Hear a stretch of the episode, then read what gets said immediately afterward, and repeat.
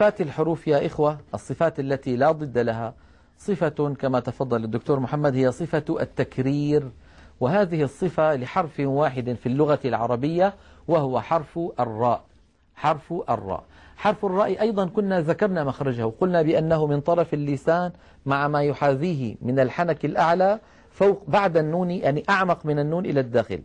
قال ابن جزري والنون من طرفه تحت اجعلوا والراء يدانيه لظهر أدخلوا فإذا قال الإنسان أن جربوا هكذا أن وقال أر أن أر يجد بأن الراء أعمق قليلا إلى الداخل. يعني لو كان هذا سقف الحلق وهذا اللسان أن هنا أر تكون أعمق إلى الداخل قليلا. أن أر أن أر فالراء أعمق قليلا إلى الداخل. لكن هنا يا إخوة لما نقول أر نعم يصطدم طرف اللسان مع ما يحاذيه من الحنك الأعلى. لكن يبقى هنا هنا في الوسط يبقى فرجة بسيطة فتحة بسيطة لأن اللسان مقعر هكذا.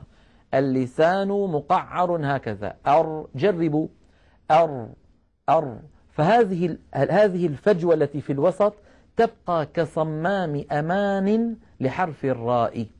لأننا لو أحكمنا إلصاق طرف اللسان كله على مخرج الراء لانقفل المخرج كما حدث معنا في حرف الضاد منذ قليل ووصفنا ذلك.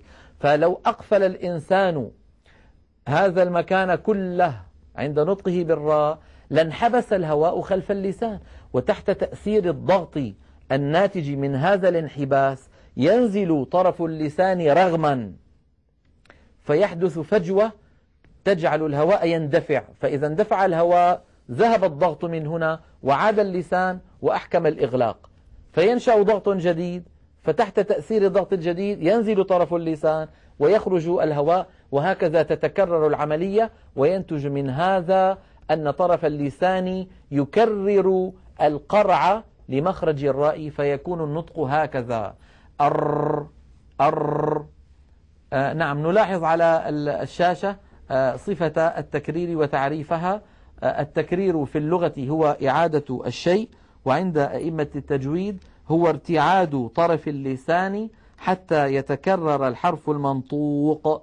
والتكرير صفة لحرف الراء وهي تذكر لتجتنب لا ليؤتى بها.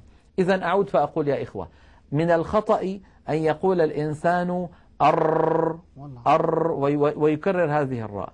كيف الخلاص من ذلك؟ الخلاص من ذلك كما وصفت منذ قليل أن يبقي القارئ فجوة بسيطة من هنا يمر منها جزء الصوت ويكون هذا المرور بمثابة صمام أمان لحرف الراء من ارتعاد اللسان. وهذا أيضا يؤدي إلى ظهور صفة بين الرخاوة والشدة التي تحدثنا عنها بأنها من حروف لن عمر.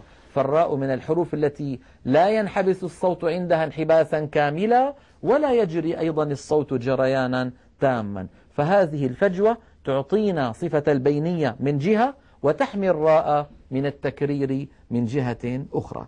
فالتكرير أمر يعني إذا قلنا الراء حرف مكرر يعني الراء له قابلية التكرير. فاحذر من تكريره. وصلى الله على سيدنا محمد. شكرا للدكتور أيمن. في غير القرآن. لو أراد إنسان يستعمل صفة التكرير